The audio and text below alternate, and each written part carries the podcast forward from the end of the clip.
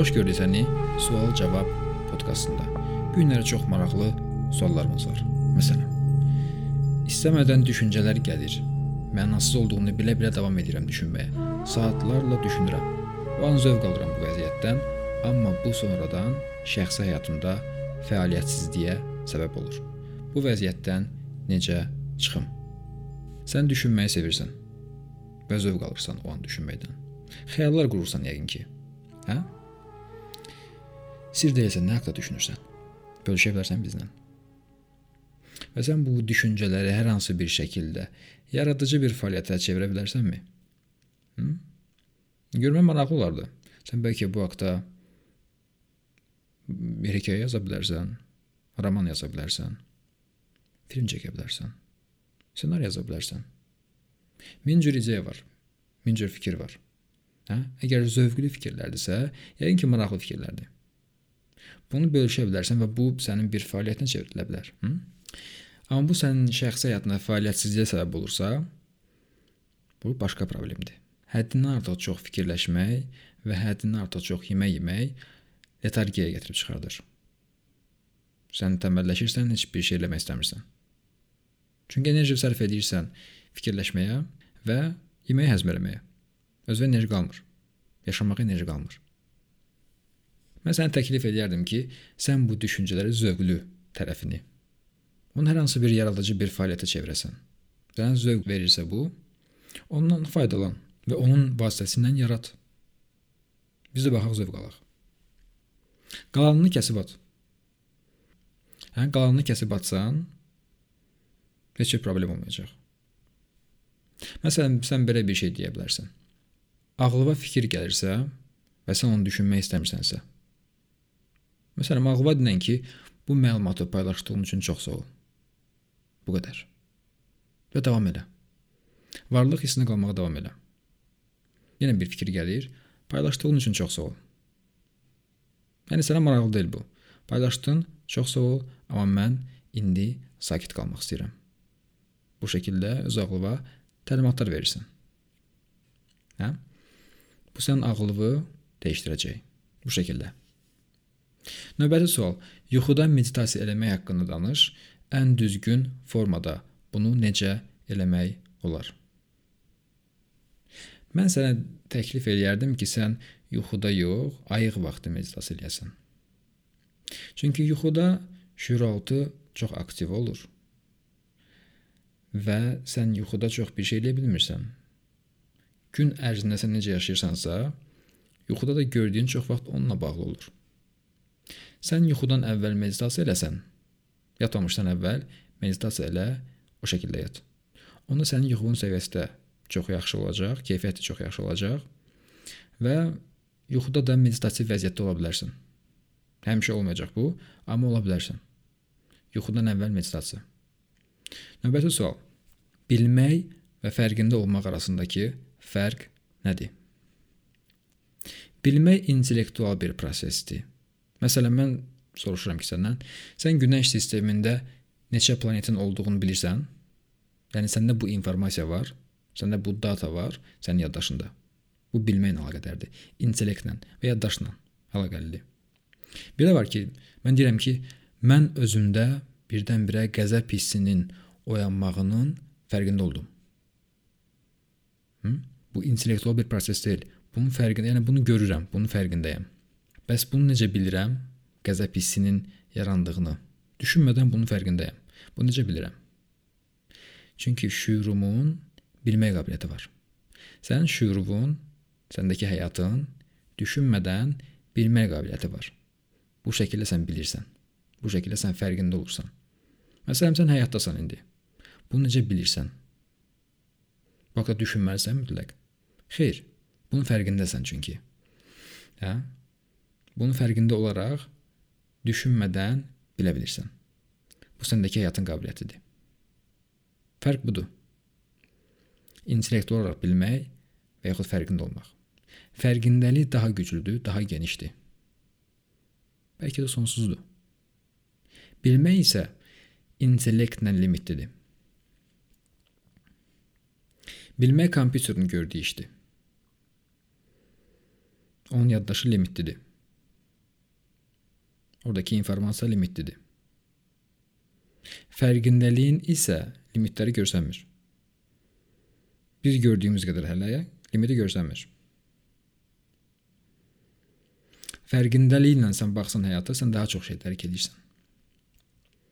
Məsələn, sən ağaca baxanda sən ağacı intellektual olaraq bilə bilmirsən. Sən onun hissəciklərini ayırıb analiz edə bilərsən. Amma sən ağacın özünü necə bir şey olduğunu, oradakı həyatı bilə bilmirsən. Amma sən bunun fərqində ola bilərsən. Sən fərqindəliklə baxsan ağaca, onu daha çox hiss edəcəksən. Həyatı daha çox hiss edəcəksən. Sən fərqindəliklə baxsan həyata, sən birdən-birə mistik bir dünyaya girirsən sanki. Hə? Sehrli bir dünyaya girirsən, nağıl dünyasına girirsən. Hardakı hər şey qəribədir, sehrlidir, möcüzəvidir və sən də hər şeyi ilk dəfə görürmüşsən kimi görürsən. Hə? Macəra budur. Növbəti sual. Bu qrupdakı insanların yaş aralığı maraqlıdır mənə. Statistik olaraq belə bir sorğu apara bilərikmi?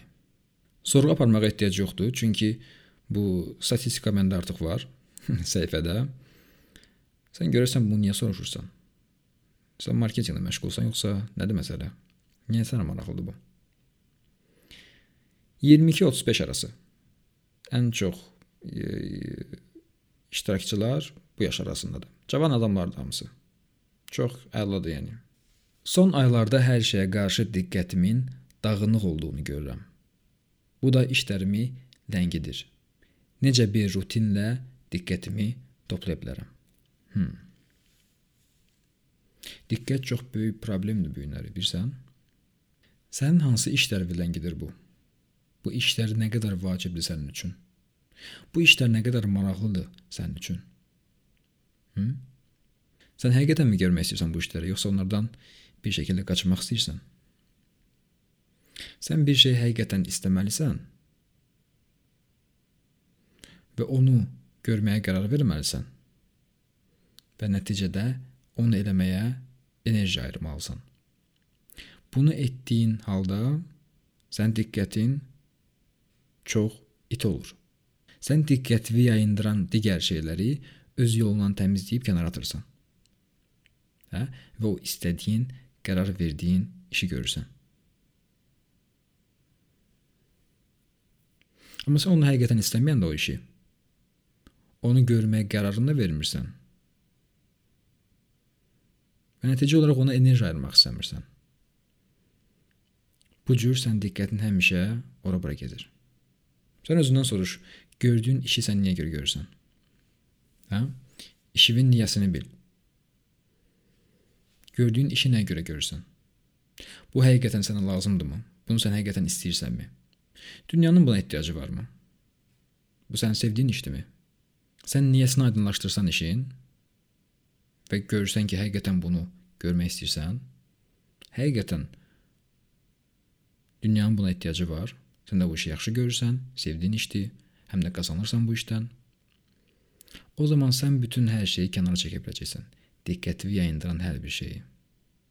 Fərqi yoxdur nədir? Sosial mediadır, yoxsa insanlardır, yoxsa fikirlərdir. Hı? Sənin üçün bu çox dəqiq şəkildə aydın olmalıdır. Gördüyün iş çox dəqiq şəkildə aydın olmalıdır ki, sən diqqətini orada cəmləyə biləsən. O aydın olmayanda biz sürənirik. Ora, bura, ora, bura və işi də görmürük axırda. Çünki məlum deyil hara getmək istəyirik bu işlə. Nə ona görə diqqət yayınır daima. Diqqəti gücləndirmək üçün də sən gərək ağlını təlimdən keçirəsən. Meditasiya çox gözəl bir üsuldur bunun üçün. Çox sadə bir şey deyim. Diqqəti sən gücləndirə biləcək. Nəfəsin gəlib getməyini izləmək. Buna anapana deyirlər. Necə nəfəs gəlir? Nəfəs gələndə burnunun ətrafında sərinlik hiss edirsən. Nəfəs gedəndə istilik hiss edirsən. Diqqətin burada qalır. Necə nəfəs gəlir və gedir, gəlir və gedir. Hə? Sən diqqətini həmişə burada saxlaya bilərsən. Bu sənin diqqətini gücləndirə bilər. Çətindir bu asan bir söhbət deyil. Ən asanı mən bayaqdan dediyim kimi işin niyyəsini tapmaqdır. dəqiq şəkildə bilməkdir. Sən bu işi niyə görürsən? Bu həqiqətən görülməli işdirmi? Əgər elədirsə, o zaman çox təbii şəkildə sənin diqqətin orada tuşlanır. Bəzən özümü qoca kainatda bir toz hissəciyi kimi, bəzən isə tam əksinə hər şeyin mərkəzində, belə desək özümü az qala Allah kimi hiss edirəm. Hmm. Bunun səbəbi nədir? Niyə belə olur? Hansı təmayülə meyl etməli? Sizcə hansı daha doğrudur? İkisi də doğrudur. Biz həqiqətən toz hissəciyi belə deyirik bu kainatda. Və bunu görmək öz əhəmiyyətsizliyimizi görmək çox, çox, çox önəmlidir. Bunu görəndə sənin eqon balacalaşır. Və həyatıva böyük bir azadlıq gətirir. Sən istədiyin kimi yaşaya bilirsən, bilirsən? Sən tam potensialla yaşaya bilirsən. Çünki sənin həyatın artıq çox da önəmli deyil. Sən uğursuz olmaqdan qorxmursan, sən yıxılmaqdan qorxmursan. Sən insanların sənin gülməyindən qorxmursan. Çünki önəmli deyil sən həyatın. Toz dənəsi belə deyilsən. Nə olacaq ki? Hı? Həyatın çox ciddi alan adam yerindən tərpənə bilmir. Hər şeydən qorxur. Bunu eləsəm ay Allah nə olar? Mənim reputasiyam məhv olar. Bu iş başıma gələr. O iş alınmaz. Bu adam heç vaxt öyrənmir. Çünki səhv eləməkdən qorxur, çünki özünü çox vacib bir insan hesab eləyir. Halbuki önəmsiz olsa, onun həyatı çox sadələşəcək, çox rahat olacaq yaşamaq. Hı? Özünə Allah az qala Allah hiss edirsən, çünki biz Allahdan ayrı bir şey deyilik. Var olan hər şey Allahdır. Sən də osan. Hə? Hər bir şey. Sən də onun hissəciysən. Və bu ilahiliyi hiss eləmək də əladır. Bu müqəddəsliyi hiss eləmək də əladır. İkisi də lazımdır. Həm balacasan, toz hissəciysən, bu sən eqoyu balacalaşdırır və öz ilahiliyi də bilirsən. Bu da sənə yaşamağa enerji verir, sevgi verir, inspirasiya verir, güc verir. Bu şəkildə sən həyata atılırsan tamamilə və onu hər bir tərəfdən dərindən araşdırırsan. Möhtəşəm. Növbəti sual. Kiminlə bir kvant hissəciyi olduğumu hardan bilə bilərəm? Aa. Kvant hissəciklər bir-birinə ani təsir gücünə sahibdir. Məsələn, mən sevincliyəmsə, bütövün digər parçasında da o dalğalar ani təsir edirsə, bilmək istəyirəm ki, kimin də hansı bütövün hissəcikləri olduğumu necə təyin edə bilərəm. Fiziki toxunuş ya da qohumluq bağlarıdır bu. Hmm. Sən kimdən bir kvant hissəciyi olduğu bilmək istəyirsən. Bu yəqin ki qarşı cinssəndir. Belə bir ümid var yəqin ki bu burada. Elə deyil. Oğlanı necə tapım? Qısaca. O oğlanı mən tapın, gətirin. Mənim kvant hissəciyimdir, canımdır, gözümdür. Mən bir-iki kitab oxumuşam. Bir-iki müəllimdən öyrənmişəm bir-iki şey. Amma heç kim bu kvant hissəciyi haqqında danışmayıb. Ki filan kəs tap onu. Tap o qızı, o qaqaşı, o sənin kvant hissəciyindir. İnsanların yeni ixtira etdikləri, biraz da elmiləşdirmək istədikləri bu romantik münasibətlər söhbətinə bənzəyir kimsə gözləyirsən. Mən eşitmişdim hətta bu twin flames var. Twin flames nədir? Deyir ki, bir dənə qadın var idi. Bu qadın 30 illik bir yoldaşla evlidir və 30 ildən sonra birdən-birə kimsə qabağına çıxır və o kişini tanımadan belə öz yoldaşını qoyub gedir o kişinin yanına. Çünki anidən Onlar bir-birinin twin flames olduğunu anlayırlar və bir-birinə aşiq olurlar və evlənirlər, bir yerdə olurlar. Hər gün də bu qadın gedir kilsəyə və bu öz əvvəlki e, həyat yoldaşı üçün dua edir ki, o öz özünü pis eləməsin buna görə. Bilirsən bu çox belə maraqlı səslənir. Əlbəttə ki, bunu xanımlar çox vaxt eşidəndə xoşlarına gəlir ki, "A, eşq filan, twin flames. Mən də istəyirəm tapım öz twin flame filan." Amma belə bir şeyi gözləmək Yəni bu yaxşı bir nəfərin başına gəlib, 5 nəfər, yaxşı deyən 1000 nəfər. Amma bu hamının baş verə bilməz axı belə bir şey. Bu ola bilməz belə bir şey. Hamının twin flames var, hamının kvant hissəciyi falan var. Məncə belə bir şey gözləmək sənə sərf eləməz. Nə qədər doğrudur, nə qədər ağıllı fikirdir belə bir şey gözləmək, belə bir adamı gözləmək. Mən sənin yerində olsaydım heç kim gözləməzdim. Heç kimin də kvant hissəciyi, nə bilim nə olmağa falan ehtiyac yoxdur, düşünməyə ehtiyac yoxdur. Hı? Sən bütövün hissəsisən. Və bütövə də hər zaman təsir edirsən. Bütöv də sənə təsir eləyir. Sən olduğun cəmiyyətə bax, sənə təsir eləyir? Bəli, eləyir. Sən cəmiyyətə təsir edirsən? Bəli. Niyə? Çünki sən cəmiyyətsən. Cəmiyyətin bir hissəsisən. Cəmiyyət sənsən, mənəm və bizim münasibətimizdir. Hı? Bu şəkildə biz bir-birimizə təsir edirik. Cəmiyyətə təsir edirik, cəmiyyət də bizə. Hı? Ona görə mütləq də kiminsə gözləməyə ehtiyac yoxdur müəyyən bir şəxsi. Bir hissəci, bir kvant, o da qarşı cinsdən, hə? Onu gözləməyə məncə ehtiyac yoxdur. Sənin yerində olsaydım gözləməzdim. Heç kimi, heç nəyi. Həyatımı istədiyim kimi yaşayardım. İstədiyim kimi xoşbəxt olardım. İstədiyim kimi rəqs eləyərdim. İstədiyim kimi meditasiya eləyərdim. İstədiyim işlə məşğul olardım. İstədiyim yerlərə gedərdim. İstədiyim fikirləri fikirləşərdim. İstədiyim kimi xəyallar qurardım. Yaşayardım bu həyatı. Doyunca yaşayardım. Hə? Və araşdırardım. Nədir bu həyat? Mən nəyəm? Hardan gəlirəm? Hara gedirəm? Nə baş verir? Əladır bu cür yaşamaq. Spirituallıqda niyə təsadüfi cinsi əlaqələr alqışlanmır? Yenəsinlər alqışlasınlar. Bravo, təbrik edirik. Siz təsadüfi bir cinsi əlaqə qurdunuz. niyə alqışlasınlar ki bunu? Zarafat edirəm. Yəni alqışlanmırsan yəqin ki, deyirsən ki, yəni pis baxılır. İntim münasibət həqiqətən intim olan bir şeydir. Nə? Bir sirr açım sənə. Yəni kimsə sənə daxil olur və yaxud sən kimsə daxil olursan. Belə bir şeydir. Yəni bədənəvə bir müdaxilə baş verir. Sən sistemə bir müdaxilə baş verir. Və bu da səni biraz e, sənə müəyyən təsirlər olur. Sən müəyyən sən hissiyatda olanda, sən deyək ki, meditasiyada proqres elə, eləsən, sən öz bədənini heç kimə açmaq istəməyə bilərsən. Elə bir şey baş verə bilər. Hı? Məsələn, yoqada falan ona görə diqqət edirlər ki, sən bədənini çox adama açma. Yəni ki, bunu sən özün eləmək istəyirsən əslində. Bunu sən özün fikir verirsən. Eləmə açmağın gəlmir bədənini çox adama. Bədənin də öz hissiyatlığı var.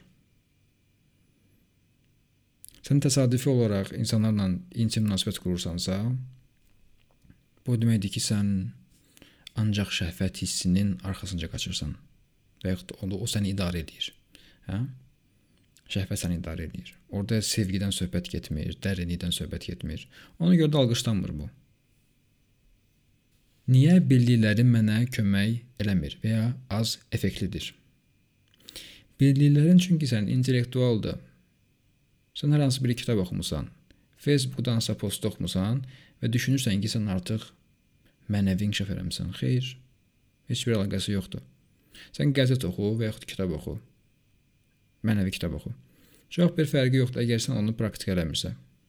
Praktik eləmirsənsə, onun bir faydası olmayacaq sənə. Hətta sənin eqovu şişirdə bilər ki, mən bilirəm. Mən söhbətləri bilirəm, oxumuşam. Hə? Çox bu söhbətləri oxuyan adamların problemi budur. İlişib qalırlar. Artıq çözüb söhbəti, intellektual olaraq çözüb, bilir nə nədir. Hamını oxuyub, hər şeyi oxuyub bilir. Ağılda bilir ancaq. Həyatına baxanda, təcrübəsinə baxanda görürsən ki, bilmir. Təcrübə yoxdur. Ancaq danışır. İntellektual olaraq bilir hər şeyi. Hı? Sən isə ağılla kifayətlənirsən, nəsə oxuyursan, ağılla kifayətlənirsən, amma əmələ gələndə yoxdur əməldə. Əməsəm gəlib təlimə qatılmırsan. Hə? Özümdə yenilik, enerji, inkişaf, reallaşma üçün çatışmayan cəhətləri necə təyin edə bilərəm? Özündə yenilik, enerji, inkişaf, reallaşma üçün çatışmayan cəhətləri necə təyin edə bilərəm? Çox rahat. Bu sualı mən sənə verim. Səndə enerji, yenilik üçün, inkişafın üçün çatışmayan cəhətləri nədir? Bir vərəq götür, ə, qələm götür, yaz. Sən bunu özün bilirsən. Məndən soruşmağa ehtiyac yoxdur. Şəxsən içində nə çatışmır? Hı? Bunu sən bilirsən özün. Özünlə dürüst olsan, sən yaxşı bir siyahət düzəldə bilərsən bundan. Hə? Почему между моим разумом и телом нет контакта? И как можно это наладить? Deyir ki, necə, niyə mənim şuurumla bədənim arasında əlaqə yoxdur və bu məsələni necə düzəldə bilərəm? Hmm. Sənin şuurunla bədənin arasında əlaqə olmasa, sən bu sualı mənə yaza bilməzdin. Çünki səni canlı saxlayan, bədəni və canlı saxlayan şuurdur, həyatdır. Bu şuur günəş kimidir. Sənin sinəndə oturub bədəninin hər tərəfinə işıq salır. Ona görə sən bədəninin hər tərəfini hiss edə bilirsən. Məsələn, barmağına əl vursam, sən bunu hiss edəcəksən. Ayağına əl vursam, ayağında bunu hiss edəcəksən. Üzvə əl vursam, üzündə bunu hiss edəcəksən. Hı? Bu şuur bədənin hər tərəfinə nüfuz eləyib. Bədənin içindədir. Sən bunu hiss edə bilərsən. Bu da varlıq hissidir varlıq hissinə qalmaqdır. Sənin şüurunla bədən arasında çox gözəl bir əlaqə var. Ona görə sən canlısan, ona görə sən həyatdasan. Orada düzəltməli heç bir şey lazım deyil. Sən sadəcə ağılda oturmusan, diqqətin tamamilə ağıldadır. Və sən bu hissiyata fikir vermirsən, ora diqqət ayırmırsan. Varlıq hissinə heç bir diqqət ayırmırsan. Sən ağılda bütün söhbətləri şəxsən çözmək istəyirsən və ağılda həyatını yaxşılaşdırmaq istəyirsən. Bu alınmayacaq. Sən ağıldan çıxmalısan. Ağlın ötəsinə getməlisən ki, həyatını yaxşılaşdıra biləsən. Hı? Sən fikirlə istəyirsən ki, hər şeyi ə, çözəsən. Oxuyasan, postlarda nəsə Facebookda nəsə oxuyasan, hə bu sənə istəyirsən ki, sənə kömək eləsin. Bu sənə kömək eləməyəcək. Sadəcə olaraq intellektual söhbətdir. Bu çayxanada oturub söhbət eləmək olur bu barədə. Amma həyat çayxananın çölündə baş verir də əsas. Hı? Orada baxırıq ki, bu adam necə yaşayır. Varlığı hiss eləmək lazımdır. Birinci bilmək lazımdır varlıq nədir və bu varlığı necə hiss eləmək olar və bu hissiyatda qalmaq, dərinləşmək, onu daha çox öz həyatına hiss eləməkdir. Bu yeni bir həyatdır. Bu həyatı sən bilmirsən indi. Hələ ki sən bunu bilmirsən. Hələ ki sən bu şəkildə həyata baxmağı bilmirsən. Sən öz ağlından baxırsan həyata indi hər şeyi fikirlərlə bilmək istəyirsən, fikirlərlə görməyə çalışırsan. Hə? Sən hər bir şey komment edirsən. Həyatla baxanda sən yeni bir insan kimi baxırsan. Əsl sən kimi baxırsan həyata. Çünki ağıl sən deyilsən. Ağıldakı məlumatlar sən doğulandan indiyənə qədər yığılmış datadır, yığılmış məlumatlardır. O məlumatlar sənə aid deyil məlumatlar aid sənin valideynlər və bacı qardaşa, bibiyə, xalaya, nənəyə, dayıya, əmiyə onlar sənə toxunublar və bu məlumatları sənə ötürüblər. İndi sən də hər dəfə həyata baxanda girirsən bu datanın içinə, bu məlumatların içinə. Oradan bir şey çıxardırsan və bu şəkildə baxırsan həyata. Problem budur. Sən özün kimi baxmırsan həyata. Özün kimi baxsan, heç bir əlaqə filan problem olmayacaq. Çünki əlaqə çox əladır. Sadəcə sən bunu görə bilmirsən. Problem burdadır. Niyə mənə insanlarla asan deyil? Və nə edim ki, mənə özümlə asan olsun? Sən bu sualın ikinci hissəsini daha əvvələ qoymalısan. Nə edim ki, mənə özümlə asan olsun? Ondan sonra insanlarla asan olar, yoxsa yox. Özündən özünə asan olmasa, İnsanlarla asan olmayacaq, elə deyil. Mənə özümlə asan olsun. Bir sən varsan, mən, bir də özüm varam. Və iki nəfər arasında asan olsun vəziyyət. Sən iki nəfər deyilsən. Sən bir nəfərsən. İçəridə bir dənədir. Sadəcə ikili onda belə gəlir ki, bir danışan səs var, hansı ki sənin intellektivin səsidir. Daimi danışır. Daimi problemləri var. Daimi şəxsi həyatını necəsə çözmək istəyir. Şəxsi həyatında həmişə problem var və onu yoluna qoymaq istəyir. Bir də bu söhbətlərin hamısını müşahidə edən həqiqi mən var. O mən sənsən. Hansı ki sakitcə hər bir şeyi izləyir. Amma sən o mən olmaq istəmirsən, diqqəti orada saxlamaq istəmirsən. Çünki intellekt fikirləşir ki, orada qalsa diqqət mənim həyatım əldən gedəcək, hansı ki intellektin həyatıdır, sənin yox. Onun dramasıdır, onun problemləridir. Sən ağlı da ağlın problemlərini kənara qoymalısan. Çünki onlar sənin problemin deyil. O ağlın uydurduğu problemlərdir. Hı? Sən həqiqi olaraq özün olsan, sadəcə olaraq özün olaraq qalsan, sadəcə heç bir şey eləməyə belə ehtiyac yoxdur. Sadəcə özünsən. Bu qədər, sadə. Həyat asandır. Çünki sən həyatda olmaq üçün heç bir şey eləmirsən. Hər bir şey özünə baş verir. Eşitmək, görmək, həyatda olmaq. Hı? Çox asandır. Həyat asan şəkildə baş verir. Amma biz bunu öz ağlımızda nenirik, çətinləşdiririk. Necə çətinləşdiririk? Fikirlərlə. Problemlər uydurmaqla. Sən hər gün bir problem uydursan, sənin həyatını biz asanlaşdıra bilərik? Yox, əlbəttə ki, yox. Çünki mən asanlaşdıracağam sənin həyatını, sən çətinləşdirəcəksən. Mən asanlaşdıracağam, sən çətinləşdirəcəksən. Necə olacaq bunun axırı?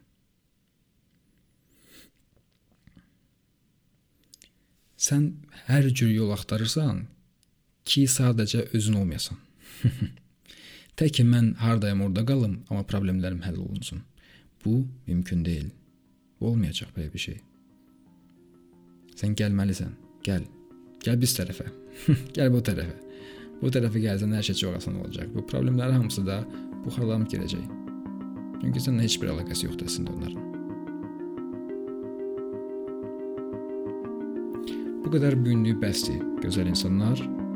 Növbəti podkastda görüşərik. Hələlik.